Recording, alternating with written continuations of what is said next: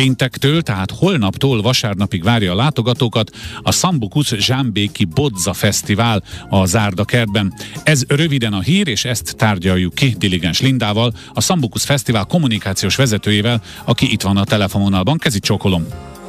Üdvözlet, és üdvözlöm a hallgatókat is. Az első kifejezés, amire felfigyeltem, az a zárdakert, ezt gyorsan tisztázzuk, ugyanis ha a kedves hallgatóink nagy részének kimondjuk azt, hogy zsámbék, a legtöbbeknek a Rom templom jut eszébe, nem véletlenül, hiszen klasszikus zenei és jazz koncertek is voltak már ott, népszerű helyszín, de ez a zárdakert mondjuk ahhoz képest hol van?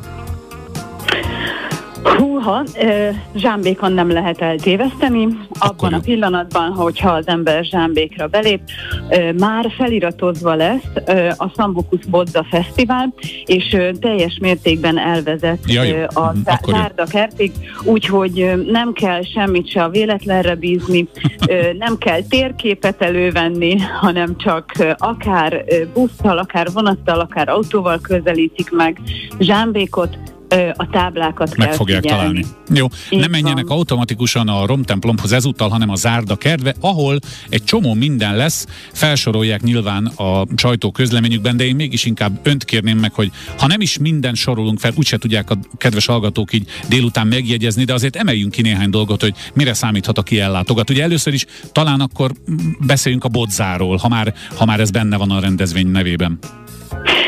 Sambukusz latinul bodzát jelent, és ugye mi bodza virágzáskor tartjuk meg minden évben a Sambukusz Bodza Fesztivált, tehát innen ered a neve. Egyébként van egy másik elmélet is, hogy a Sambukusz szóból származna Zsámbék neve, ez erőteljesen vitatott, hatalmas port kavart a Facebook posztunk, amikor is ezt tettük közzé, úgyhogy nagyon sokan úgy érzik, hogy, hogy van alapja a Sambukuszból eredeztetni a Zsámbék szót, ö, sokan úgy érzik, hogy inkább a zsámbékos szóból ered. Jó, nem, nyelv, nem nyelv történeti esemény lesz a Bodza Fesztivál. Gondolom azért valami Bodza terméket lehet kóstolni túl azon, hogy rengeteg zenét lehet majd hallgatni. Igen, természetesen a bodza az végig jelen lesz az egész fesztivál alatt. Bodza ször, bodza lekvár és mindenféle bodza formában, de igazság szerint a mi fesztiválunk zenei fesztivál. Minden évben, ugye bodza virágzás idején összegyűlnek itt a kortárs zenei szénát meghatározó alkotók, és ez idén is így lesz. Megpróbáljuk felvonultatni az idei év toplistásait, azokat a világzenei produkciókat, akik nemzetközi elismerést kaptak, esetleg nem olyan régen kaptak hazai elismerést is, úgy, mint a fonogramdíj, úgyhogy három fonogramdíjas No. zenekar is fel fog lépni. Pénteken a Blaha Louisiana ö, 8 órás időponttal lép majd a nagy színpadra, illetve látható lesz Rutkai Bori Banda, akik szintén friss fonogramdíjasok, ők szombaton fogják a gyerekeket szórakoztatni, vasárnap pedig a Cimbali Band, akik tavaly kaptak fonogramdíjat, ők fognak színpadra lépni. Ez nagyon jól hangzik, de feltűnt az a kifejezés, hogy a gyerekeket szórakoztatja. Azt nem beszéltük meg, hogy milyen időintervallumban zajlik, csak annyit, hogy péntektől vasárnapig ez délután indul, inkább esti, vagy már napközben is találnak ott valamit az érdeklődők. Hát érdemes négy órától ö, látogatni ö, ki a zárdakertbe. Minden nap négy és öt óra körül indul majd a program, kivéve a szombatot.